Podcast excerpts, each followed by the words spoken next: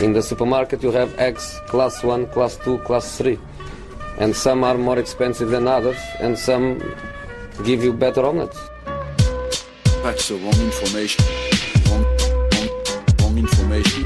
I didn't say that. That's the wrong information. Do you think I'm an idiot? Wrong, wrong, wrong information. Now look at me when I talk to you. Your job is to tell the truth. That's the wrong information. Hej och välkomna ska ni vara till denna veckans avsnitt av Sportbladets Silly Season Podcast. Idag är det måndag och det är också Ballon d'Or-gala. Eh, vi är inte riktigt klädda för gala idag Patrik, men Mm. vi sitter i Silly-studion i Vi är ändå bättre klädda än vad Leo Messi kommer vara ikväll. Kan jag eh, ana. Vi har Ja. ju fått exklusiva förhandsbilder på hans kostym som alltså är någon svart kreation med små, små kro- kungakronor på om det stämmer. Det roar mig något oerhört där. Jag hoppas intensivt på att han kör den. Ja, han brukar mixa upp det lite grann när det kommer till Ballon d'Or-galor. Det kan man säga. Och så någon, någon beskrev, det spelar ändå ingen roll hur mycket de klär ut honom. Han, han ser ändå väldigt anonym ut när han kommer dit. Så att, han, har- han har väldigt låg star quality, märkligt nog. Han försöker i alla fall. Ja, det får man ge Det är det viktiga. Eh, någon som hatar Ballon d'Or-galan är ju Arsene Wenger. Ja, Han rider ut till attack eh, idag igen på presskonferensen. Menar att eh, de här individuella priserna förstör fotbollen. Ja. Håller du med honom? Ja, jag tycker han har en poäng. Sen tycker jag, alltså den som fortfarande tar Ballon d'Or på allvar kan ju, får nog fundera om. Det är ju liksom ett Fifas PR-pris nu, det är vad det är. Man får ta det för vad det är. Det är väl kul för Ronaldo och Messi. Känga och- mot Ronaldo här. Ja, men Han kul. lever ju för Ballon d'Or. Ja det gör han ju det gör ju fler med honom. Jag är säker på att Messi tycker att det är väldigt, väldigt roligt också. Och det är klart, det är ju något för målskyttarna och de största stjärnorna och dem och, och liksom bada i berömmelse där, tjäna lite fler PR-poäng. Men de, de riktigt viktiga fotbollsspelarna längre bak i leden eh, kommer ju aldrig någonsin hamna där. Och det intressanta är ju fortfarande att det är spelarnas röster, att de är så populistiska, eh, är ju kommer- väldigt fascinerande. Det var någon som drog upp den frågeställningen på Twitter tidigare idag. När kommer någon annan än Ronaldo och Messi bryta den här eh, dominansen? Men det känns som att har spelarna börjat rösta på Messi och Ronaldo varje år så kommer de göra det av vana. Alltså långt efter att de eh, liksom slutat förtjäna det. Ja det tror jag också, om, om inte en Neymar som också har liksom en star quality Messi kanske saknar om minst sagt. Eh, övertygar lika mycket på planen som man gör vid sidan om. Då tror jag snabbt att alla liberianer och sydkoreaner och eh, amerikaner och allt vad det är som röstar på priset kommer upptäcka honom också. Ja, det var kul. eh, Det är ju verkligen precis alla som får rösta. Mm. Även de här, de här eh, Bahamas och alla tropiska öar. Och det blir fascinerande röster, alltså vilken spelare som helst kan ju få en röst nästan. Mm. Det ju- och, men det är aldrig någon sån här, någon, någon riktigt nyttig lagkapten eller någon, någon försvarare eller någon ledartyp som får dem utan det är ju bara the goal scorers. På den här presskonferensen, om vi ska återvända till Silly här och som vi är här för, så är ju Wenger också inne på att det kommer bli ett historiskt frenetiskt transferfönster. Eh, tvivlar på att han själv kommer att vara särskilt frenetisk eh, under Fast han är, fönstret. Men han han, är menar mest väl... eh, frenetisk hittills, det får man ju ge honom. Så att Han är ju igång. De har ju El Neni nu som är i praktiken klar, har han ju bekräftat också. Mm, den här veckan ska, eh, ska han ha det klart säger han. Eh, vill inte garantera att det var klart ändå. La in en brasklapp där. Ja, men han, alla är ju överens. Det handlar ju om arbetstillstånd och grejer. Så det där, det där ska, det ska mycket till om det ska fastna i någon faxmaskiner där. Mm. Men kul det här att han eh, ändå flaggar för att men jag tror att det blir, det blir goda nyheter för medierna sa han väl. Det kommer Ja. att få ett roligt januari för att eh, klubbarna längre ner kommer investera som mest de vill av dem och han tror även att toppklubbarna kommer rusta rejält och det har väl vi också varit inne på att det känns som ett sånt år där, där alla hela tabellen mer eller mindre Mm. ser ut att behöva förstärka också. Och det är Premier League som eh, står för eh, underhållningen och dramatiken eh, i januari. Så är det, nu när Barcelona väl gjort klart sitt med tanke på ekonomin och Real har ny tränare. Det är lite oklart hur mycket prägel han vill sätta på sitt lag. Ett Bayern München som ska byta tränare. Så att där, där kommer det nog inte hända så mycket. Så, så är det. Det är Premier League, pengarna svallar. Eh, vad tycker vi om att eh, Daily Star idag struntar i Wengers historik och uppger att eh, han är redo för dubbelvärvning av eh, Granit Xhaka från eh, Mönchengladbach och eh, Adrien Rabiot för 705 miljoner kronor. Hur länge ska tidningarna få komma undan med det här Patrik? Jag blir eh, trött. Säg som Simon Bank, det är ingen fotbollstidning, det är en porrtidning. det är faktiskt helt sant. Ja, klassiskt citat. Helt Ja, sant. men, men det är intressant tycker jag att folk, eh, med mig själv, fortfarande tycker att det, det är ändå roligt att läsa de där uppgifterna. För man fascineras och roas över liksom hur de tänker när de skriver dem. Problemet är att när man läser dem och fascineras och roas över hur de tänker när de skriver dem så, så uppmuntrar man ju dem att skriva fler. Så att Mm. Det är en ond cirkel vi är inne i. Ja, det är... Någon, huvuden måste rulla. Jag tycker...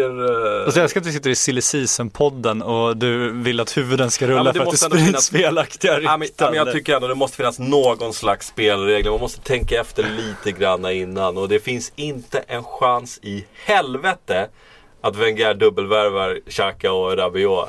Och definitivt inte för 705 miljoner kronor här. Alltså, Eh, på positioner som man egentligen inte behöver i, dagsläget. Det är inte de positionerna man pekar på och säger där behöver Arsenal spelare. Så man måste tänka efter. Det måste finnas någon slags, alltså, någon slags spår av trovärdighet. Annars så blir det bara blaha. Men, men det är fascinerande det här tycker jag, för om man kollar på framsidorna som vi gör varje morgon på de brittiska tidningarna. Då är de inte med där. Nej, det är inte de där som är med där, utan då, i morse är det så här, ja men Gareth Bale, så här, I will stay at Madrid, liksom. Astråkig. Ja. ja. det finns ingen, ingen som helst nyhet till det.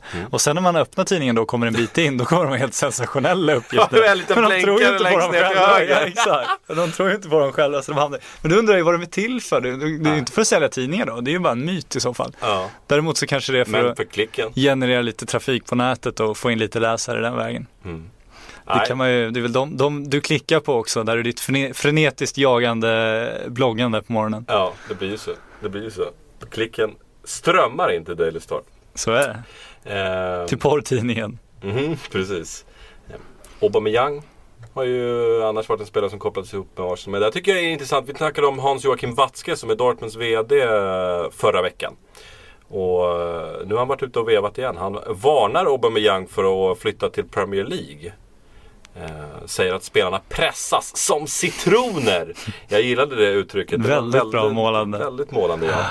Och här kan jag inte hjälpa att tänka liksom, vad håller Watzke på här med egentligen? Försöker han alienera, säger man ändå på svenska, va? Premier League-klubbar från Dortmund-spelare. Jag tycker det här är bad for business. Eh, till att börja med, det är Premier League-klubbarna som betalar de här enorma transfersummorna som jag antar att Watzke vill ändå åt. Vad Och han så slipper han sälja till Bayern München då också, det borde han också uppskatta. Men, Mm. nej, men jag tycker det är också intressant, för det, du var ju, hade ju själv den tesen att när han var ute och, eh, och snackade om Aubameyang för inte så länge sedan så var det här, men ingen rök utan eld, det är någonting Mm. på gång.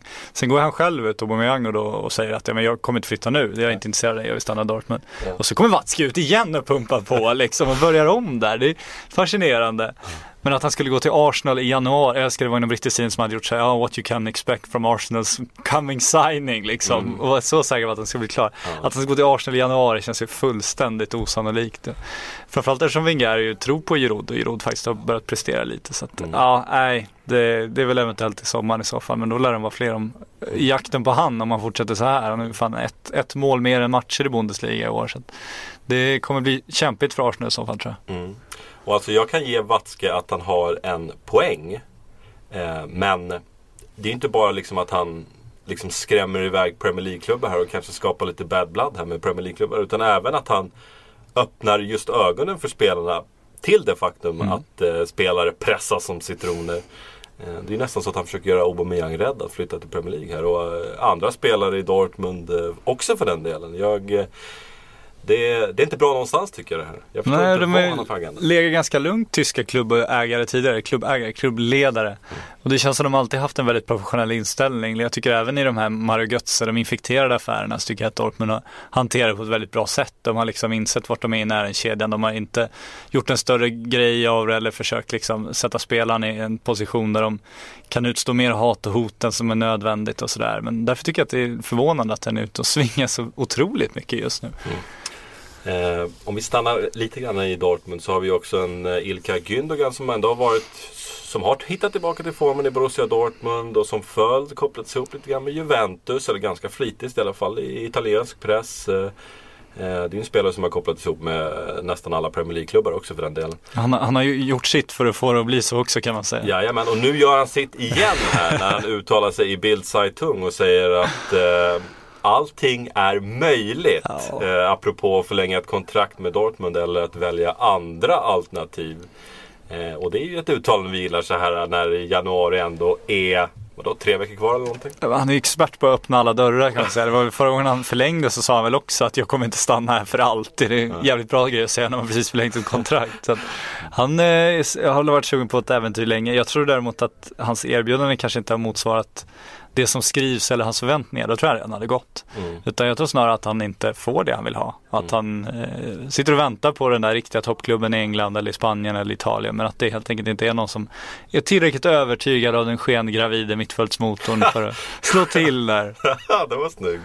Klassisk bild med ja, ölmagen då i alla fall. Ja, Det var riktigt bra. Han gick väl skadad där och ja, den kulan alltså. Det var, eh, det var brasseklass på den kan man säga. Ja, den var, den var absurd. På någon vecka eller två bara. Ja. Pang sa det. Ehm, förresten, förra veckan satt vi och snackade lite grann om Real Madrid. Vi hade ju en otrolig, vi brukar ju ha Pang, härlig timing i våra Ja, sillypoddar. och eh, ungefär 20 minuter efter att vi har klivit ut ur studion eh, så pekade allting på att Benitez skulle få gå och det smällde också till sen senare under eftermiddagen, kvällen där.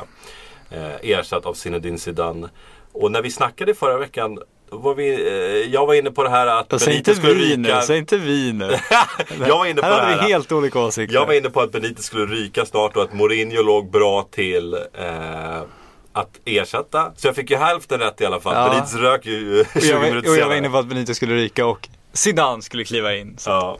Så Men det var ju ganska väntad giss. Det var inte så att jag stack ut hakan direkt. Det kan jag, jag kan inte skryta om det direkt. Men eh, faktum kvarstår. Eh, Benitez är borta från Real Madrid. Zinedine Zidane är inne. Och det förändrar ju också en del grejer vi pratade om i förra podden. eh, Där vi var inne på att Isco under Benitez definitivt var säljbar. Men nu har vi Zidane vid rodret som fullkomligt älskar Isco. Och då är det helt plötsligt, då är dörren stängd där. Eh, Det var Madrid-tidningen uppger att... Ja, Zidane var ju den som ringde när de värvade Isco så var ju City också inne och jagade honom. Då var det ju Zidane personligen som ringde Isco och övertygade honom om, om att komma till Real. Så att det vore ett skapligt stort personligt svek om man då går in som tränare och säljer honom direkt. Ja. Så att vi kan nog, eh, det känns som Isco kommer vara där i vår om man säger så. Exakt, ganska talande också att Isco kommer direkt in i startelvan också under Zidane. Eh, men jag tycker vi kan vända på mackan här lite grann och ställa frågetecknet kring James Rodriguez istället då. Eh, kanske inte riktigt lika älskad eh, av Zidane och eh, mycket riktigt utanför startelvan i Zidans första match. Så det kanske är James Rodriguez vi ska flytta på här nu då. Ja, jag tycker vi kan börja fundera på Ronaldo också. För att Gareth Bale var ju smått bedrövad när Benitez fick sparken. Han var ju väldigt nära Benitez och Zidane kom in direkt och sa att men all kärlek du fick av Benitez kommer du få av mig också. Går han in i hattrick direkt, hyllad. eh, Det var väl Marca idag som hade stor, stor etta på Gareth Bale. Det här är Gareth Bale. Vi har liksom äntligen fått se den riktiga Gareth Bale. Om han fortsätter prestera nu fram till sommaren, kliver in och verkligen tar hand om ledarrollen där. Finns det Ronaldo, börjar åldras lite, finns det starkt intresse från PSG som ska ersätta eh, Zlatan. Eh, Jag är rätt säker på att Zidane också vill ha in en Eden Hazard till nästa säsong. Då tror jag att Ronaldo kan puttas bort från det där lagbygget. Ja, någon ska ju bort. Någon ska bort. Bale eller Ronaldo. Ja, det är ju verkligen känslan. Mm. Och Bale har ju, alltså, hans marknadsvärde i England är ju så mycket större än hans prestationer än så länge. Så att det, han är ganska tacksam att sälja så. Men om han nu börjar prestera och du har en betydligt äldre Ronaldo. Det kan bli spännande. Ja, för faktum är ju att Bale blev besviken. Stod Benitez nära. Eh, och, eh, och det är ju helt öppet nu att han, att han, att han var ledsen över att Benitez fick gå. Eh, och så har vi The Times idag som uppger att eh, United förbereder ett bud i sommar på 90 miljoner pund. Och The Skriver de, Times skriver de i tidningen och inte på framsidan. Va? Så att de smög in det där. Ja, det, det var spännande när alla andra brittiska tidningar i stort sett hade på framsidan just när Bales eh, nya uppgift stannar i Madrid. Så Mm. Eh, det var väl intressant. The Times eh, hade ju ett bättre rykte förut än vad de har nu för tiden. Jag hävdar ju fortfarande att de är en Kängan mot The Times här. Ja Jag måste absolut, The ja, men här. du är en Times-försvarare, Ja, det vet jag jag- historiskt. Jag är inte mycket för The Times längre, det Ja. kan jag ju påstå. Tar de ju rejält eventuellt, men inte deras ströuppgifter när de eh, gastar om världsrekordbud annars. Det, Mhm. det är jag faktiskt inte mycket för. Okej, så du är helt inne på Ronaldo bort alltså. Jag är inte riktigt redo. Ja, helt inne, jag säger om, om utvecklingen fortsätter med Bale, då tror jag att de, de, det är dags att överväga att Ronaldo ska säljas. Men alltså, jag ser, om jag får gissa vem Zidane helst vill ha kvar Mhm. av Bale och Ronaldo. Då tror jag att han vill ha kvar Ronaldo. Ja, ja, på kort sikt, det tror jag också för att du vet vad du får av Ronaldo. Men jag tänker till sommaren, om, ska, om han ska bygga ett nytt Real Madrid, det är hans uppgift. Det känns ju som Mourinho kom och skulle bygga det, förstörde det i stort sett. Carlo Ancelotti får komma in och liksom lyfta mungiporna på alla spelare, så skickar de iväg honom. Rafa Benitez får vara någon tillfällig lösning till Zidane, säger jag. Sen kommer Zidane in, nu är det ju det långsiktiga, hoppas man i alla fall, att de ska bygga, han ska bygga det nya Real Madrid. Ska du bygga kring en Cristiano Ronaldo som gått över 30-strecket, som har flyttat sitt fokus mer och mer till det kommersiella, till det som händer vid sidan av planen. Han flyger med sitt privatflygplan hit och dit, inviger hotell, åker på semestrar, hälsar på sin MMA-kompis, möter sin nya kärlek, åker och klipper sig, handlar några skor någonstans, köper en bil någonstans. Eller ska du ha liksom den kommande walesaren som fortfarande har allt kvar att bevisa, som känner än så länge att han misslyckats, som hade, tyckte man, samma potential på något sätt när han ändå kom dit. Han hade snabbheten, genombrottskraften, det känns som en naturlig ersättare. Ska du offra honom, mjölka två år av Ronaldo och sen stå där igen? Eller ska du ta det modiga beslutet, ta in de pengar du kan på Ronaldo, frigöra extremt mycket löneutrymme, ta in en Eden Hazard som inte får spela Champions League, börja bygga kring Bale, Hazard mer som en playmaker-roll, få in liksom eh, ett nytt Real Madrid istället för det Real Madrid under Ronaldo som uppenbarligen har misslyckats med tanke på hur det går i ligan år efter år. Mm. Och jag är också inne på det här spåret att jag är inte helt övertygad om att Bale är jättenöjd med Perez som president och hur klubben styrs. Och Alltså, kommer ett lukrativt erbjudande från United så tror jag Bale är absolut inte främmande för att återvända till Premier League. Det tror inte jag heller om det fortsätter som nu, men jag tror att om han fortsätter prestera, om han får den, den roll som det, det ändå börjar viskas om nu, liksom, så man får känslan att han kanske kan blomma ut nu.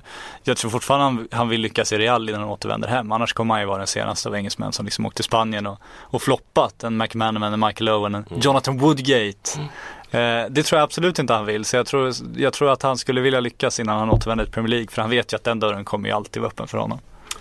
Jag tycker ändå 51 mål i Real Madrid, mål i Champions League-final. Alltså det är inte McManaman vi snackar om här tycker Nej, jag. men, nej, det håller jag med om. Men stämpeln är ju fortfarande, han kom ju dit för att ta över. Mm, ja, det är sant. Och han har ju varit liksom, han är ju till och med under Chamez nu i, i stjärnordningen kan man tycka nästan. Så att eh, jag tycker han har mycket kvar att bevisa innan han kan åka hem som någon slags lyckad värvning för Real Madrid. Mm. Och eh, Florentino Perez då? Eh, väljer att sparka Benitez eh, efter en halv säsong. Efter att ha sparkat Carlo Ancelotti i somras. Och nu tillsätter han Zinedine Zidane. Sin älskade Zinedine Zidane. Han är ju... eh, Hans kärlek för Zinedine Zidane är ju eh, smått bizarr. Och nu är det ju, känns som sista chansen för eh, Florentino Perez. För som jag ser det, lyckas inte Zidane nu, då måste han avgå. Då måste han lämna presidentposten. Eh, han har bränt tillräckligt med broar och här är jag genuint orolig för Perez för jag är inte helt övertygad av Zinedine Zidane som tränare även om han kommer in och kör över eh, Deportivo La Coruña 5-0 på Santiago Bernabéu. Alla jublar. När alla liksom slipper Benitez förutom Bale då. Så eh, är jag inte alls övertygad av eh, Zidane som tar över eh, Castillan där, gör en dålig första säsong. En bättre andra säsong. Alltså, och när han kommer in i Castillan, då är det också liksom Castilla som precis blivit nedflyttade från Segundan ner i Segunda B. Och han liksom det är klart att han ska ta upp Castillan direkt där, men han vrål misslyckas ju i första säsongen i Castillan. Och det, visst, det går bättre andra, men inte tillräckligt bra tycker jag. Och så har vi den här Martin Ödegård-affären som legat och liksom jäckat Zidane under hela norrmannens tid där. Att han liksom inte kunnat hantera en så pass stor stjärna som ändå Ödegård är. Liksom drar in Absolut. 25 miljoner om, om året och inte alls lyckats eh, få in honom i Castilla på något nämnvärt sätt. Så, eh, och nu tar han över Real Madrids A-lag här. Och det, ju, det finns ju enklare första uppgifter som, som tränare för liksom ett ordentligt seniorlag. Men jag tycker det är fascinerande också just om man, det känns som alla vill göra den här Jürgen Klopp nu, Pep Guardiola. Alla klubbar vill liksom hitta någon, någon tränartalang inom dem som liksom varit en genuin figur för klubben. Men Pep var ju liksom en, en, en arbetande mittfältare, en intelligent spelare, den som gick lite sina egna vägar, en, en ledare. Zinedine Zidane var ju största stjärnan bara. Och det är Ja. så intressant just att Barca då tar den här lagspelen så svarar Real med sitt Galactico direkt. Jag tycker att det är så talande för kul- kulturer i de två klubbarna. Ja. Och så har vi liksom är han en ledargestalt, liksom Zidane? Det är jag inte heller helt övertygad om. Och eh, kunnat liksom höra så reaktioner på Zidane-utnämningen från tidigare lagkamrater. Liksom, han var väldigt tyst som spelare. Absolut inte någon slags ledargestalt i, i omklädningsrummet. Så det, det får mig ännu mer att liksom tvivla på vad, om, tvivla starkt på att det här är en ny Pep Guardiola som vi har i Real Madrid här. Ja, men han kändes ju den uppfattningen också när han var spelare. Jag uppfattade honom som nästan blyg liksom. Mm. Alltså inte på planen, då var han en vilde liksom. Och visade, ledde väl med sitt sätt att vara snarare. Men han har aldrig känts som den som liksom höjde tonen. Han satte en skalle i bröstet innan han skrek något tillbaks. Liksom. Även under det grälet säger han ju faktiskt Mm. Han säger ingenting. ingenting, nej. Marco Materazzi. På hela tiden. Nej. Så det säger väl en del också. Mm. Men eh, jag tror också att Alltså det är som eh, Yahya Tourés agent Dimitri Seluk som min kära Facebook-vän sa idag att eh, min morfar hade kunnat vinna titlar med Barca och Bayern. Det kanske jag inte riktigt håller med om men, men mycket handlar ju också om eh, att omge sig med rätt personer. Alltså om Zidane tar in en, en riktigt kunnig defensiv tränare, riktigt kunnig offensiv tränare, någon som tar hand om väldigt mycket av det taktiska. Och han själv snarare är liksom den här ledargestalten, alltså ikonen, helgonet som liksom alla spelare tvingas lyssna på för att det är Zinedine Zidane. Då kan det ju räcka att han bara går runt och har den närvaron för en någonstans bidra med någonting väldigt, väldigt värdefullt. Så länge han är smart nog att ta in kunnigt folk runt sig. För jag, jag har inte heller någon aning om vad han vet om, pre- alltså något så här, hur mycket offside-fälla han nött liksom. Och vad, vad har han för defensiv koll på fasta situationer och sånt där. Jag tror han hade rätt fria tyglar under sin spelarkarriär minst sagt. Så att, Det blir intressant att följa. Jag hoppas ju att det går bra för honom. Jag är genu, en genuin älskare av Zinedine Zidane. Tycker att han är världens bästa mittfältare genom alla tider. En eh, jävla försvarare av den typ av fotboll jag gillar. Och så älskar jag ju profiler som avslutar sin karriär med att skalla ner en kille i en VM-final. Det blir liksom inte större. Ja, absolut. Alltså, det är det bästa avslutet på en karriär någonsin. Och jag är också så pass mycket romantiker att jag önskar att liksom, han kliver in här i Real Madrid-rollen och liksom inte har några problem överhuvudtaget. Bara alla lyder honom och alla respekterar honom. Ingen har problem med honom. Men jag är inte lika säker på att äh, det är vad som kommer att hända. Jag tror eh, till exempel Ronaldo är väl den enda spelaren i Real Madrid som skulle liksom kunna bara Zidane, vem var du liksom? Ja. Jag är Cristiano Ronaldo. och liksom, det är också en intressant historia att följa här framöver. Det ska bli kul att se om Ronaldo kan sätta sig emot Zidane. Och vi får de här äh, briljanta spanska ettorna på liksom clashen mellan superstjärnorna här. Jag utesluter inte att så blir fallet. En riktigt infekterad konflikt. Som kanske slutar i en försäljning då. Ja men vi, vi lanserar den. Det tycker jag är en bra teori. Du, det är spåkulan nu. Mm. Jag är helt med på det. Perfekt. Kommer vara klart 20 minuter efter att vi gått ut genom dörren. Garanterat. Exakt. Kommer första. Såld. Vi ska inte eh, helt eh, dyka in i Spanien ändå för, ännu för att eh, Liverpool har ju brutala problem nu på mittbacksidan. Det är hamstring, hamstring, hamstring och Jürgen Klopp, även om han inte hade några jätteplaner på att värva eh, tvingas ju in i eh, januarifönstret för att hitta en mittback. Och eh, här pekas ju Neven Subotic ut, hans gamla eh, vapendragare Borussia Dortmund. Och, eh, hans skadehistorik är väl inte heller eh, den absolut bästa men klart är ju att Klopp behöver mittback. Arr kanske till och med i januari. Ja, det kanske är smart även fast Subotic kanske har en skadehistorik. Han vet ändå, har en kropp som har klarat av Jürgen Klopp tidigare. Det var en fin trim tycker jag. Ja, det var snyggt. Tack. Även det, det är ju eh, intressant just att Klopp har en så eh, spelstil så baserad på löpningar. Det ska liksom vara mycket maxlöpningar, det ska springas mycket, du ska springa med dina, dina motståndare. Att han då kommer in till en klubb mitt i säsong, inte kan sätta den försäsong han vill och så helt plötsligt blir det massa hamstring, hamstring, hamstring. Det måste ju finnas någon belastningsfråga där som inte fungerar med honom. Och jag håller med dig, de behöver verkligen värva mittbackar och det är inte lätt i januari, det kan man lugnt säga. Det är mittbackar, om det finns för många målvakter finns det inte för många mittbackar. Nej, det känns som att vi sitter här eh, varje transferfönster och letar, letar febrilt efter tillgängliga mittbackar.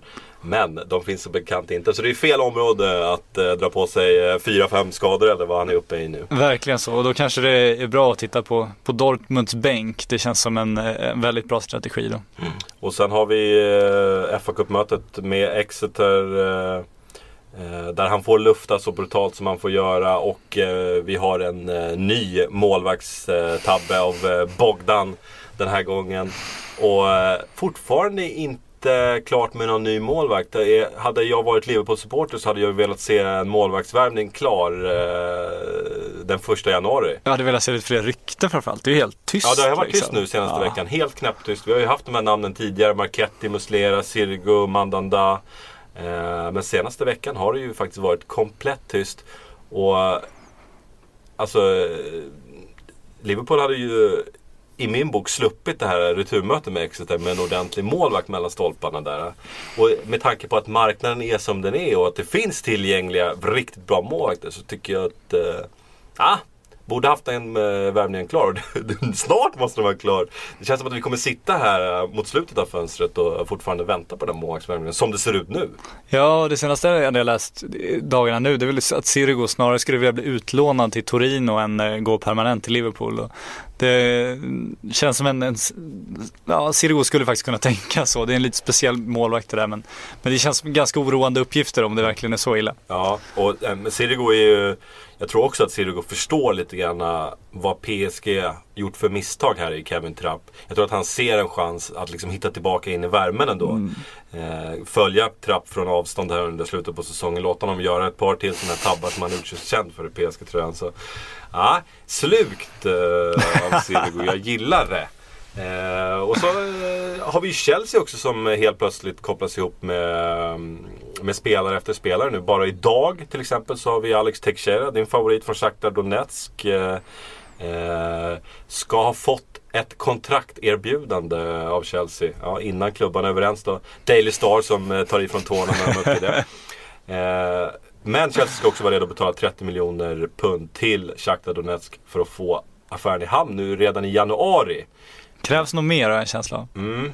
Och eh, den dröjer väl ändå till sommaren, gör den inte det? Ja, jag tror också det. Men det blir intressant att följa Chelsea för att de känns verkligen som en sån klubb. Inte bara på grund av sin ligaposition, men om man tittar på truppen nu. Att det, de skulle må bra av att ha in något mer eh, offensivt. Mm. Väldigt spetsigt alternativ. Mm.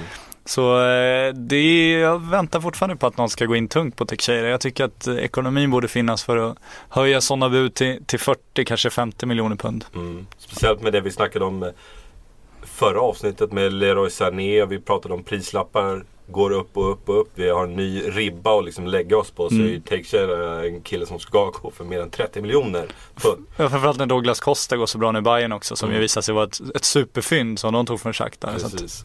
Shakhtar-spelare, de ska inte underskattas. Nej, Herregud inte. vilken talangfabrik han har där, Luchescu. Talang, han köper brassar och låter dem vara där tre, fyra år. Ja. Ja men han förädlar dem bra. Alltså, I de förhållanden så måste jag ändå hylla Luchescu. Eh, han har eh, liksom krigsdrabbat eh, Donetsk, liksom fått flytta på laget men han är ju en otrolig förädlare av brassar, Luchescu. Det är, Ja, så är det. mitt i Ukraina liksom. Ja men det var ju kul, Douglas Costa beskrev ju att de hade ju, när de flyttade till Donetsk så fanns det ju fyra, fem brassar till där. Så de hade ju en egen liten koloni i stan där de, Mm. där de bara umgicks med varandra. Det, det de gjorde på sin höjd var att gå till shoppingcenter. Jag tror han åkte, försökte åka skridskor en gång och Mm. försökte läsa ryska en vecka. Sen gav han upp allt det där och jobba vidare. Nu bor de ju på vårt gamla hotell i Kiev faktiskt. Ah. Opera Hotel där vi bodde under, under EM för fyra år sedan. Hur många Där- plus eh, på det hotellet då? det, det är tveklöst det bästa eh, arbetshotell jag någonsin bott på. Man, Ah, okej. man kommer dit första dagen och det liksom det står en sån här liten citronbakelse på rummet som Mm. välkomnar en. Jävligt trevligt. Otroligt bra lasagne på eh, room service där kan jag också rekommendera. Lite fin sallad, färskt bröd till. Kommer in på nästan två vagnar, så stor portion var det. Oj, oj, oj. Riktigt jävla bra. Och sen om du kikar in i minibaren så har du den eh, ja, 33 centiliter vatten kostar väl 90 kronor ungefär och sen har du lite mindre vodka, den kostar då 40 kronor. Så att du vet vad du ska släcka törsten med där. Men med försäljningar av Costa och så småningom Teixeira så har ju Shakhtar råd med de här vattenflaskorna. Både vodka och vatten, ja. ta- Absolut. de täcker den notan. Eh, en annan spelare som Chelsea kopplas ihop med idag det är Daily Mirror som säger att de vill ha Carlos Bacca från Milan. Och det här tycker jag är jätteintressant för liksom spåra tillbaka bandet sex månader så satt vi ju här i Sillypodden och snackade om Jackson Martinez eh, och Carlos Bacca. Två superheta anfallare. Dragkamp, dragkamp, dragkamp. Jackson Martinez eh, har ju helt floppat i eh, Spanien medan eh, Carlos Bacca, han går okej i Milan, det gör han ju. Eh, men liksom inte så pass som man kanske trodde att han skulle lyfta Milan till ett Champions League-plats igen. Det är, det är ju inte den effekten det har varit. Och nu liksom, precis som Jackson Martinez så ryktas han bort efter ett halvår. Och jag tycker det är, alltså, det är silly för mig. Ja, men jag fattar, det här är en av de största mysterierna i fotbollen för mig. Det är det här med dagsform liksom. Alltså, nu är Igalo och Jamie Ward är liksom två av Englands absolut hetaste anfallare. Och för ett halvår sedan som du säger, det var Backa och, och Jackson Martinez två av världens hetaste anfallare. Ja, det var ju verkligen. Ja, och då undrar man liksom, vad är det egentligen som har hänt? Alltså hur, för det, det är klart de är precis lika bra på att slå en bredsida, de är precis lika bra på att sätta en boll i krysset, de är precis lika snabba, de är precis lika starka. De är, allt det där måste, det, det har inte förändrats på ett halvår. Liksom, hur mycket psykologi finns det där egentligen? Det är, det är ju fullständigt absurt många gånger. Okej om du går till sämre lag, får en sämre omgivning, du kanske tappar din, du blir en Batistuta utan Roy Costa, det kan ju innebära problemen. Men när de går till bättre lag, de får bättre spelare runt omkring, så får lika många bollar men de får samma typ av lägen och så helt plötsligt bara börjar de dundra dem i stolpen istället. Mm. Det är ett sånt otroligt jävla mysterium. Ja. Och klubbarna känns som de är helt historielösa också. Det handlar ju bara om vem som har flest mål på kontot i den där senaste säsongsraden. Resten är ju liksom helt ointressant om du inte spelar i Turki- Turkiet eller i AC Milan. Det är ju fascinerande tycker jag. Och jag utesluter inte heller att Milan skulle vara redo att sälja Backa. För jag tror, när de tittar tillbaka på hur allting liksom, liksom utspelade sig. Så betalade de ändå 30 miljoner euro för en anfallare som, jag vet inte om han hade fyllt 29 då. Eh, men han var där i skiftet. Och nu, idag är han 29 år i alla fall. Och Chelsea är redo att betala 40 miljoner euro för honom. Och liksom 10 miljoner euro i vinst på ett halvår anfallare. Jag är- utesluter inte Ja, att... nej, det tror jag de tar direkt också. Men jag tror inte att Chelsea kommer göra det. Det känns som en väldigt konstig uppgift framförallt. Say hello to a new era of mental health care. Cerebral is here to help you achieve your mental wellness goals with professional therapy and medication management support. 100% online. You'll experience the all new Cerebral Way, an innovative approach to mental wellness designed around you. You'll get a personalized treatment plan from a therapist, prescriber, or both in a safe and judgment free space. Your Cerebral therapist or prescriber will outline a customized plan with clear milestones along the way so you can get to feeling your best. With Cerebral, you're not alone in your mental health journey. We're here to empower you to live a fulfilling life. So take that first step towards a brighter future and sign up today at cerebral.com slash podcast and use code ACAST to get 15% off your first month. Offer only valid on monthly plans. Other exclusions may apply. Offer ends July 31st, 2024. See site for details. Det känns som någon brittisk journalist kommer ihåg den här Carlos Backa, han var het i somras. Ska vi inte kasta in honom till Chelsea då? De måste ju leta efter andra namn känns det som. Eh, Ett annat namn eh, som Manchester City kopplas ihop med i The Sun är Eden Hazard. De vill in och, eh, de vill in och snuva Real Madrid där som det heter tidigare. Helvete vad trevligt det hade varit om det blir liksom en riktig sån, riktig kamp också. Riktigt infekterat. Fan nu vädrar morgonluften. Ja, då har vi också, då får ju Hazard spela med De Bruyne, eh, belgiska landslagskollegor. Det, det hade jag gillat. Eh, Men, Men, men om Zidane ringer och sen ringer Pep, den är också jävligt fin alltså. Mm. Han, eh, vart han går där. där har vi också eh, en liten infektion in the making. Eh, Tottenham var ju så här nära, nu pekar jag här, det syns Ja. inte i en podcast, men det är ungefär en centimeter. Ja, ungefär. Ska du Eh, uppskatta det till det? Ja, Ja. Saido Berahino i somras. Jag stod utanför Tottenhams träningsanläggning där och väntade och väntade Hade och väntade på trevligt. att Berahino skulle rulla in där. Det gjorde han ju inte. Det visade sig att eh, eh, West Bromwich ordförande Jeremy Peace eh, satte käppar i hjulen för den Men affären. du såg ju en mysterious car liksom. Ja, Mysterious Audi. Mysterious Audi, Audi. TT tror jag till och med Fan vad fint. Eh, så nej. Eh, Peace i alla fall satte stopp för den affären i sista sekund. Och sedan dess har ju Berahino suttit i frysboxen.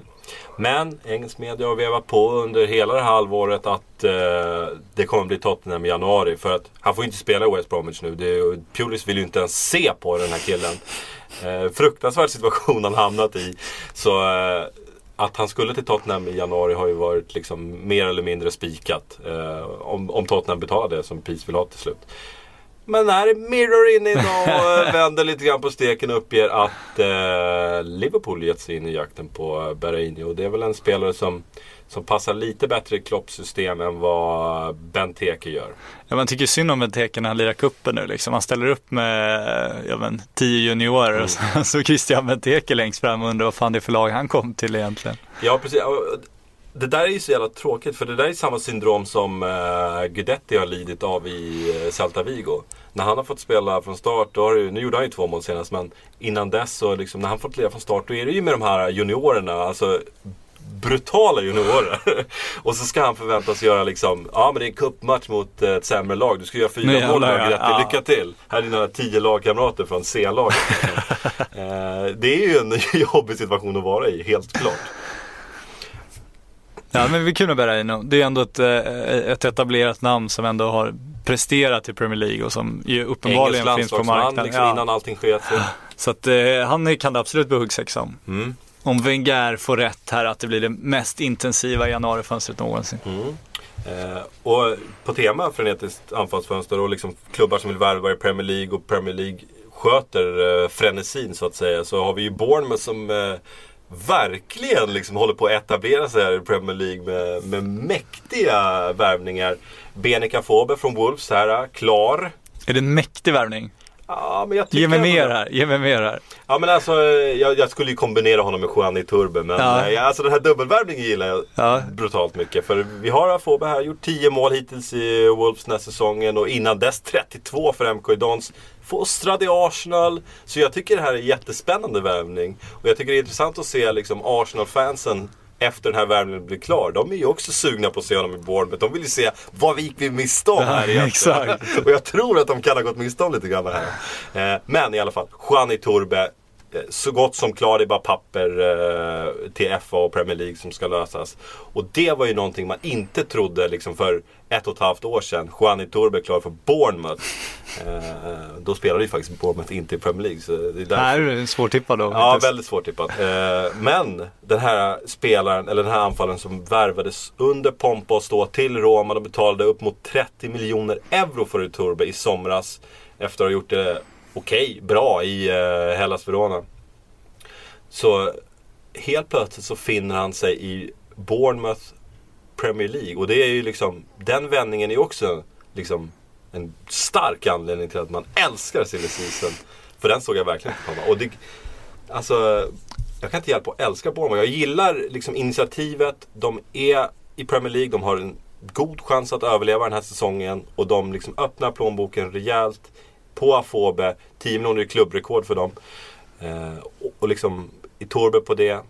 De vill ha nya TV-pengar nästa säsong. Och jag tycker de gör rätt att satsa här brutalt i januari. Det gör det. Sen tycker jag det är lite oroande just den utvecklingen. Det är väl en lånaffär med Torbe. Jag vet inte om de har någon utköpsklausuler.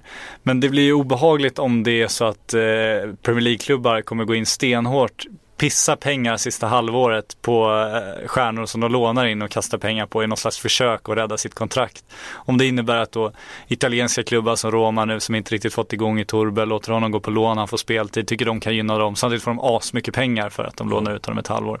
Det känns som en ganska osund utveckling både för spelare och, klubbar om det blir sådana kortsiktiga lösningar. Så att Det är jag, ju- jag delar din eufori kring att se i Torbe i Bournemouth men jag delar inte din eufori kring, kring fotbollsutvecklingen det innebär någonstans.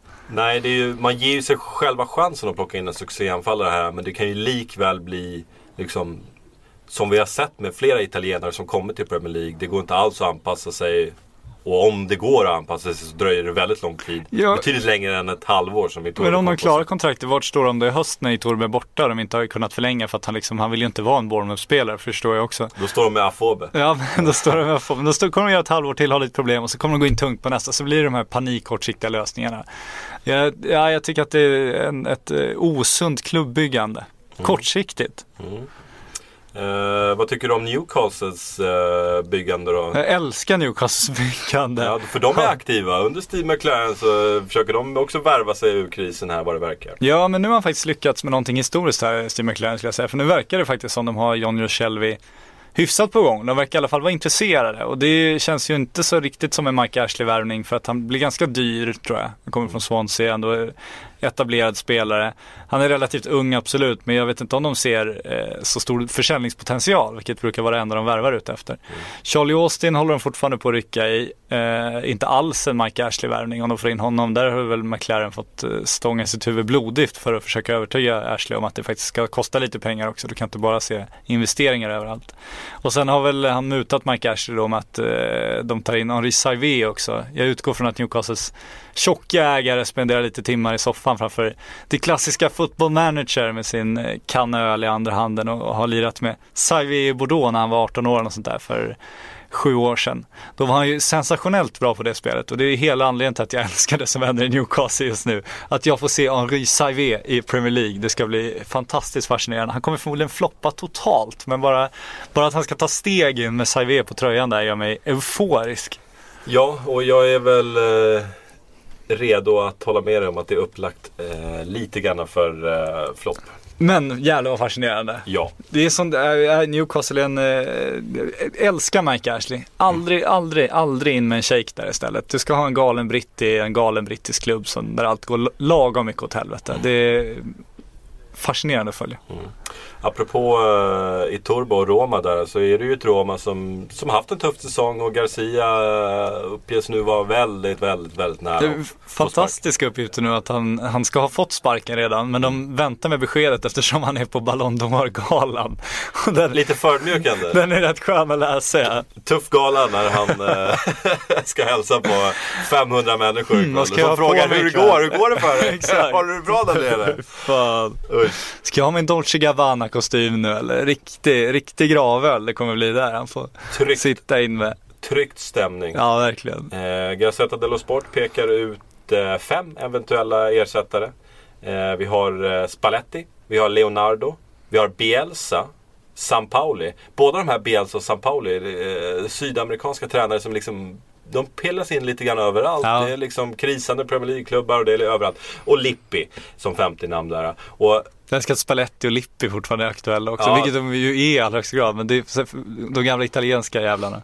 Och om jag, om jag frågar dig då, av de här fem namnen, vem hade du velat pilla in i Roma om Garcia får sparken? Alltså jag tror nu har ju de, de har ju försökt med alla möjliga vägar. De har ju försökt med Luis Enrique, någon ny, ny ung talang de trodde på. De har Garcia. Jag tror att de kommer gå rutinerat nu. Framförallt eftersom det talas om att de inte vill ha en, en tillfällig manager utan att de vill eh, börja med en riktig direkt. Det, det påstås väl att Spalletti ligger bäst till och jag tror också att det blir något sånt. Någon sån där gammal italiensk räv. En Trapattoni typ, en Capello typ. Mm. En Spalletti, en Lippi. Och jag, jag funderar och lutar i det här fallet eh, väldigt mycket åt Leonardo. Jag är ju svag för Leonardo och är ju nyfiken på när han ska egentligen återvända till fotbollen. Hans karriär var ju verkligen på väg uppåt där. Eh, lämnade Italien och Serie A för sportchefsjobbet i PSG och gjorde det ju väldigt bra måste jag säga. Ja, exceptionellt bra, Och hans alltså. karriär tog inte slut för att han var dålig på att värva. Han värvade ju utmärkt. Hans karriär tog slut för att han, var, han Han tacklar en domare. han tacklade en domare i katakomberna. Avstängt sex månader. Och då hade ju PSG ingen val att sparka honom. Och sen dess har han varit på någon slags supersemester här i två, tre år. Och jag sitter och undrar, när ska Leonardo återvända? För jag, jag tycker mig se en stor fotbollstänkare där. Eh, Så jag skulle vilja pilla in Leonardo där, för jag gillar hans sportchefshuvud också. Sätta ett par värvningar bättre än till exempel eh, i Turbo då. Så, Ja, nej, jag håller med. Jag trodde i början också att han liksom var, han var sparkad men fortsatte som sportchef åt PSG eftersom han inte tog något annat. Känslan var ju att han agerade lite bakom kulisserna Ja. då. Men eh, som du säger, då hade de ju lika gärna kunnat anställa honom igen. Så det känns märkligt att han varit arbetslös så länge då. Så bisarrt. Otroligt liksom uppskattad också i Paris. Bland eh, par, eh, Ja. parisiska journalister, franska journalister, så är jag ju alltid någon man ringer till när man behöver en åsikt om ditten och datten. Så, Även bland spelarna. ja, alltså konstig, konstig situation med Leonardo. Jag vill se honom tillbaka i fotbollen nu. Nu! Eh, Förra veckan också förresten så, sa, eh, så viftade vi bara iväg, eller jag viftade iväg eh, våran eh, Zlatan-punkt återkommande. Som att det inte hände någonting. Men jag glömde ju faktiskt komma på efteråt att Mino Raiola öppnar för en Premier League-flytt till Zlatan. Och det har vi inte fått läsa in någonting i ännu. Men han toköppnade ju för Premier League där. Jag skulle vilja se honom i Premier League, eller hur var citatet? Ja, det har han väl sagt. Det, det är så jag minns det också. Ja. Ja. Vad, vad läser du in i det? Ja, inte ett skit tror jag. Inte? Nej men Alltså- känslan är väl, ja men jag tror ju Raiola, nu, det är väl alltid så här inför klubbflyttar, nu kommer Raiola vara ute och, och fäkta och kasta ut Zlatans namn så ofta han kan. Mm. Ringer en engelsk tidning kommer han säga jag vill se honom i Premier League. Ringer en spansk tidning kommer han säga jag vill se honom i Madrid. Ringer en italiensk tidning kommer han säga jag vill se honom i Serie A. Ringer de amerikanska kan du gissa vad de kommer säga. Det är min bestämda uppfattning nu. Ja, men jag kan, inte, jag kan inte minnas att jag har hört eh, Raiola ta liksom Premier League i munnen. I så fall så har det varit för liksom, nej Zlatan är Mm. inte intresserad av England, liksom, inte just nu. Eh, och på det spåret, men det här liksom att få höra från honom. Jag tycker ändå, jag uppfattar det som personligt. Eh, och jag eh, liksom tolkar det lite grann som en inbjudan till Premier League-klubbar här att komma i sommar. Eh, sen kanske det är öns önsketänkande från min sida. Eh, men jag kan inte äls- annat än att älska uttalandet. Ja, men sen kan man ju fundera också kring Zlatans, alltså se att han vill göra mer än ett år till, se att han vill, försöka två år till på Europaliten eftersom det, han, han är ju i sitt livsform, det säger vi varje år, det stämmer ju varje år.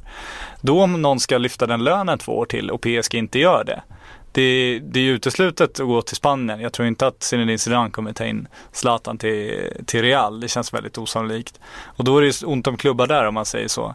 Eh, Italien finns ju inte riktigt den ekonomin idag. Framförallt inte om, alltså det väl om Juventus skulle ut och konkurrera men det, det känns jättekonstigt om de skulle satsa mot så gammal Zlatan. Då är det ju Premier League och det finns, där finns det både desperata och rika klubbar som skulle kunna lyfta den lönen i två år. Så att eh, det kanske är så han gjort sin uteslutningsmetod Rayo. Sen så har vi sett den här nya dokumentären om Zlatan, han är väldigt, väldigt ung och redan då säger till.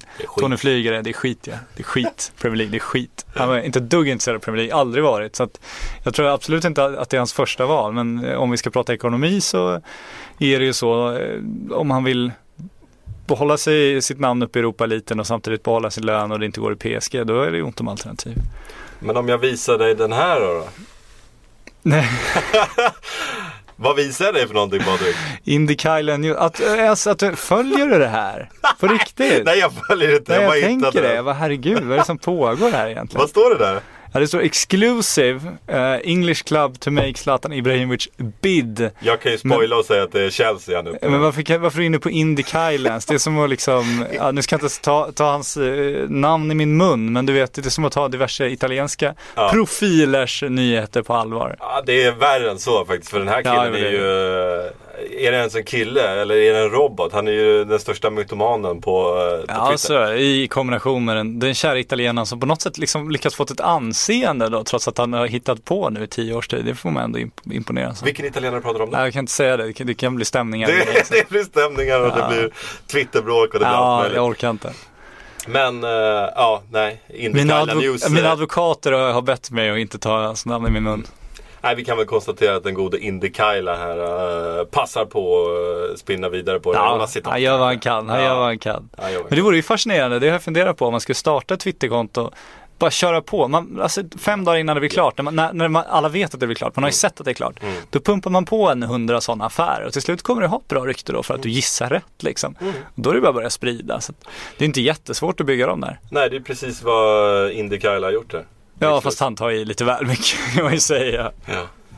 Eh, vi ska gå vidare till eh, frågorna som kommit in på hashtaggen för eh, de har varit brutalt många de också. Det uppskattar vi något oerhört. Ja, det, frågestunden är min höjdpunkt i alla fall på avsnittet. Eh, och vi börjar med eh, Viktor Edström som undrar Vad hände egentligen med Mitchu, Swansea? Tappade han det helt efter utlåningen till Napoli? Ingen storklubb med intresse? Frågetecken. Om man läser idag, eh, The Guardian har ju varit och träffat honom, Sid Love. Eh, som är respekterad journalist på The Guardian, var ju i Spanien nu när han debuterade igår för sin division 4-klubb som hans brorsa tränar. Och då sa han ju till honom att han hade intresse från Premier League, han hade intresse från spanska högsta ligan, men han, han ville vara en hederlig man och inte eh, liksom lova någonting han inte kunde hålla. För han visste inte om hans ankel skulle hålla. Han har ingen aning om hans fotled är bra nog för att spela fotboll igen. Och då vill han inte skriva på ett kontrakt, få massa pengar och sen gå skadad tre år i den klubben och svika dem på det sättet. Så då valde han bort pengarna, spela gratis i division 4 för att se om han kan spela igen. Lyckas han kommer han försöka igen. Det ju, får vi applådera, högt och ljudligt, eh, otroligt snyggt agerat. Mm. Det är ju det man ska ha klart för sig är ju att han har ju haft värre skadeproblem än, eh, än väldigt, väldigt många andra. Han har ju ligament eh, han har ju ingen ligament kvar och det är ben som gnager mot ben och det är eh, det är ju en kille som, alltså den succésäsongen han hade och kopplades ihop med Arsenal för liksom 400 miljoner. Ja, alltså eh, och, och den karriärbana han har tagit är ju liksom, den går ju också till historieböckerna som en av de, av de mest, mest bisarra liksom vändningarna. Alltså Jag var ju inne i det spanska landslaget Mm. när det spanska landslaget nästan alltså, var på en av topparna liksom. Mm. Otroligt fascinerande. Martin Örmgård, varför är det så dålig fart i årets Silly? Ja men det är lite tidigt. Det gäller att jogga igång. Jag tror eh, vi kan ta Wenger på orden om att det finns gott hopp om att det kommer bli kaos när det väl kommer igång. Jag har fortfarande förhoppningar om både helikoptrar och eh, Audi-bilar och Mysterious Cars. Så att, eh, ge inte upp än. Eh, Max Svensson, vem försvinner från Chelseas offensiva mittfält om Teixeira kommer? Försvinner det någon i januari? Eh, och där är vi väl inne på att Teixeira dröjer till i sommar. Men eh, utesluter inte att eh, Hazard eh, försvinner bort. Eh, det är väl ungefär någonting sånt där man skulle kunna gissa på att det utspelar sig. Jag tycker också eh, både William och Oscar, eh, väldigt, väldigt bra spelare har varit, otroligt nyttiga men fortfarande utbytbara i den meningen att det, deras toppar tycker inte har ju varit liksom så de- har en, en väldigt hög lägstanivå men en, en, en tydlig högsta nivå också. Som, eh, de kommer aldrig nå stjärnorna känns det som på det sättet. Så ska man utveckla det laget så har jag sagt i några år att det kanske är smart att ta bort i alla fall en av dem och chansa på att få in någon som kan överprestera mer än vad de gör. Mm. Kalle Edgren, vad, eh, apropå vi pratade om mittbackstorka eh, tidigare. Vad är, vart är flyttryktena kring Marquinhos och Varane? Två av världens bästa unga mittbackar som jämt får sitta på bänken. Eh, och här är jag ju eh, lite grann inne på att Marquinhos, han kan ha tålamod för David Luiz är David Luiz. Eh, det krävs inte mycket för att han ska hamna i de här brutala formsvackorna som han hamnar i. Och jag tror att han i sitt huvud ser sig själv ersätta Luiz inom en ganska snar framtid. Varan, mm, där är, ju, där är jag lite mer tveksam till varför inte fler rycker i honom faktiskt. Jag tror att han- de är nog för dyra också tror jag. Alltså det, de är ju osäljbara så länge de själva inte propsar på att flytta. Det är klart att Real och PSG inte vill göra sig av med dem. De ser ju fortfarande en enorm framtid för dem.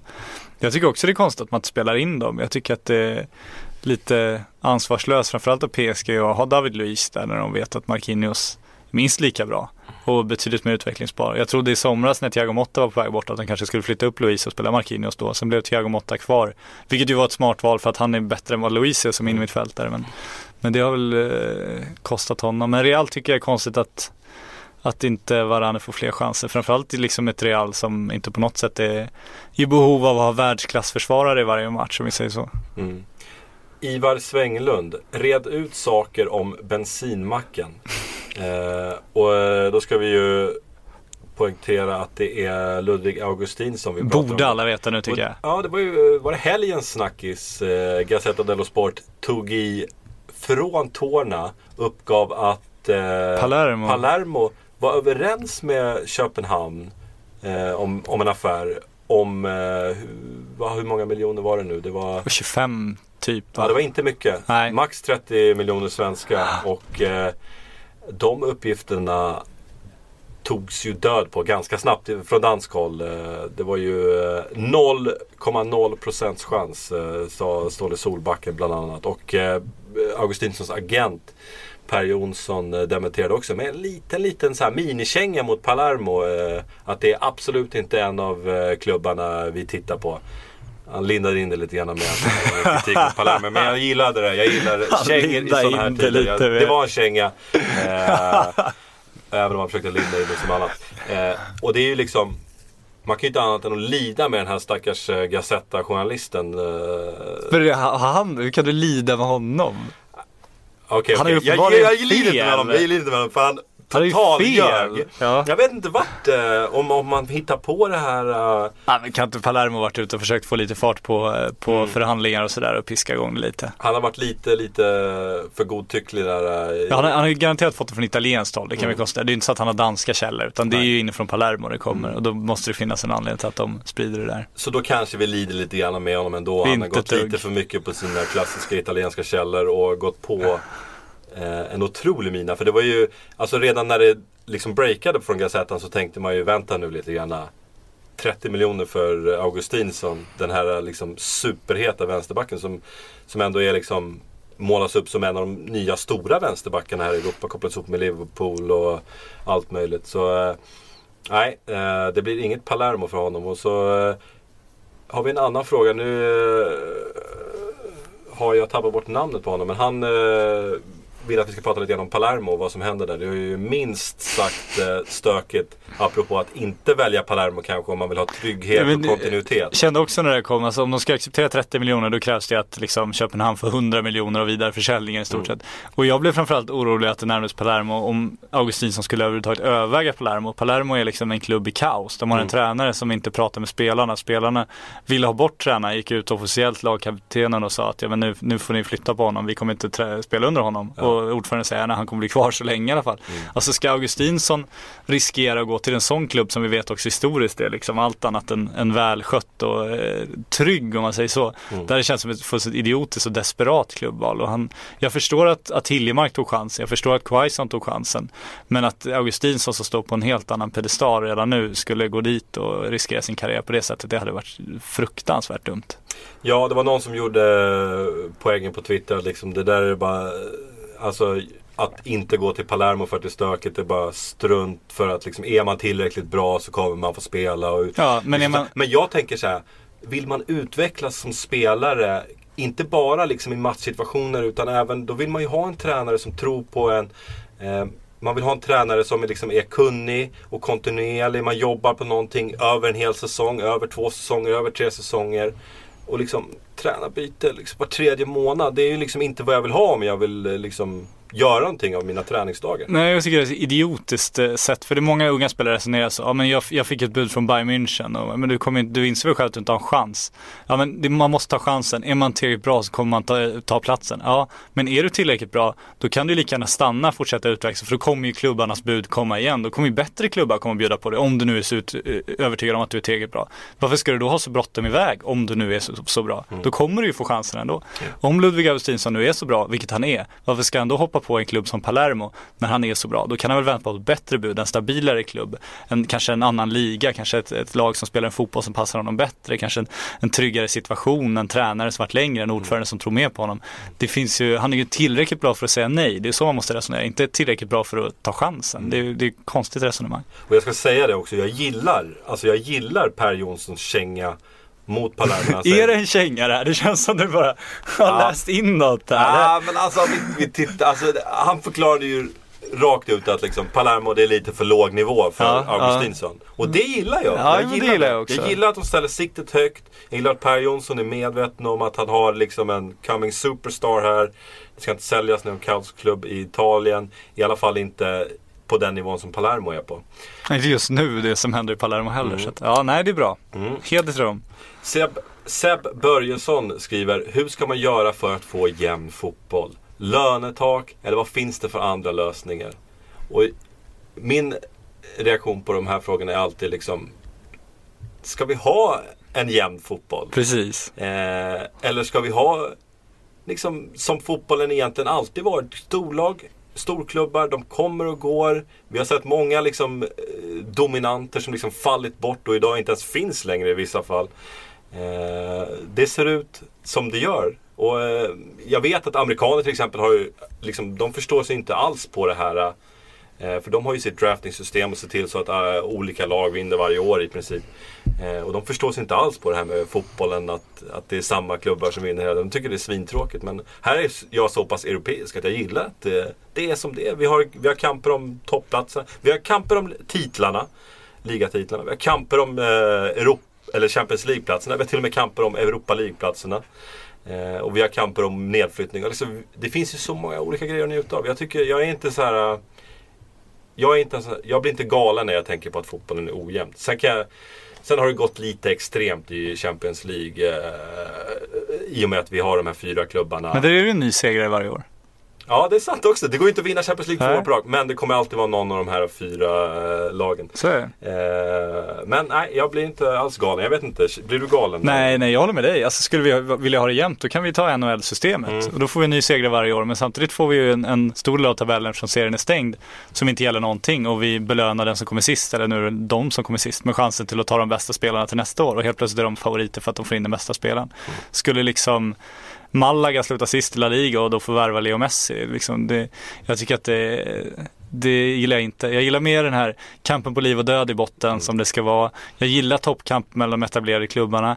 Och även de sämre klubbarna, ingen kan ju påstå att de inte gillar att det finns storklubbar. För vilka, vilka lag är som drar publik till arenorna? När får liksom de mindre klubbarna som mest publik? Det är ju när de största klubbarna kommer på besök. Det är ju de som är de drivande ändå. Jag vill eh, ha favoriterna i toppen, jag vill att det ska komma upp skrällgäng som ska kunna vara med och fightas lite, eventuellt etablera sig om det gör extremt bra. Helst lite lättare än det är idag, men jag tycker inte att man ska införa några restriktioner för att underlätta det. Och sen vill jag ha kampen på liv och död. Det är nästan den som fascinerar mest. Mm. Eh, vi har fått eh, en fråga från Norge här också. De gillar vi som vanligt. Erik Bräcke skriver Lewandowski till England realistisk. Real mer aktuellt. Eh, och här har vi ju, vi har nästan spikat eh, Lewandowski till Real i de här poddarna. För att hans eh, agent dök ju upp där på Santiago Bernabéu. Och det är ju någonting man ser, speciellt med Benzema, situationen som den är. Vi vet ju fortfarande inte hur allvarligt han kommer bli eh, tillsatt där i Frankrike. Så eh, på sikt så, eh, så ser jag det inte alls som otänkbart. Utan snarare mer troligt att eh, Lewandowski bildar en eh, supertrio där i Real Madrid. Jag tror så att om Lewandowski lämnar, då tror jag han går till Real. Jag är inte lika övertygad om att han lämnar. Vi såg senast idag att Valbuena är ute och förlåter Benzema och, och säger att jag kan spela med honom i landslaget. Det är inget mord vi pratar om. Så att jag tycker att det börjar blåsa över det där nu. Jag tror att Real också kan få en möjlighet att behålla honom. Eh, men om Lewandowski lämnar och han lämnar som den stora stjärnare och mästare han är nu, då kommer han inte gå till Premier League. Det tror inte jag heller. Då är det Real eller, eller så stannar han. Emil Manninen skriver Felipe Andersson. Är han ens i närheten av att vara värd dryga 500 miljoner som det ryktas om? Och eh, här är jag redo att bestämt säga nej. Och jag tycker det är ganska talande hur eh, Lazio uppges i eh, italiensk press vara redo att sänka den här prislappen. För de är lite rädda nu. Filip Andersson som gjorde en toksuccé förra säsongen och var ju eh, nyckeln till att de tog den här fjärde, eller den här playoffplatsen till, eh, till Champions League. Och eh, ja, då var han stekhet. Nu, den här säsongen, har han börjat dala av lite grann och de känner nog att de börjar få lite panik. För de hade en spelare som var värd 500 miljoner där och idag är han inte riktigt där. Nej, jag håller med. Men jag tror också man, man måste ju se till vem det är som ska köpa. Alltså, hade Real Madrid varit lite småsugna på Filippa Andersson nu, då hade de aldrig betalat 500 miljoner. Nu är Manchester United i, i kris med ett kassaskåp som är större än vi kan förstå. Eh, desperat behov av förstärkningar, desperat behov av goda nyheter. Då går ju självklart prislappen upp något sagolikt. Så att eh, det är en Manchester United-prislapp. Jag vet inte om det kommer landa på fullt sådär mycket. Jag vet inte ens om de kommer värva honom. Det känns ju ganska tveksamt fortfarande. Men eh, det är väl anledningen till att det nämns sådana summor ändå. Då har det blivit dags att eh, tacka för den här veckan. Det var Fan vad snabbt det går. Ja. När du bokar poddrummet och är i tid, då, Ja, det liksom, då rullar det på. Alltså, då det rullar var det på. jävla bra flyt idag. Nej. Eh, Jag måste ge mig själv beröm eh, som hade styrt upp allting så bra. Ja men jag imponerar. Jag imponerar också att du fortfarande sportar din Raiders-keps också trots att de åkte ut och så vidare. Du fick eh, lite skit från de eh, amerikanska kännarna Jag, sist. jag förstår ingenting. Jag fick någon fråga där om eh, vad jag tyckte att Raiders hade ansökt om att flytta Ja. till eh, Los Angeles tror jag. Ja, Girigt svarar jag bara. Det är Ja, girigt. ja. Jag bara gissar att du det är kan girigt. inte Det finns pengar där och då tycker jag att det är girigt. Så, Alltså, sånt, så- kan, sånt sparar vi till Kräver jag dig på Raiders-kunskapen i Raiders-keps så ska fan ut på alla med New York Yankees-kepsar nu och kräva dem på, på baseballhistoria. Min bluff är synad. Så är det. Så avslutar vi. Tack så mycket för idag Patrik. Vi ses om en vecka.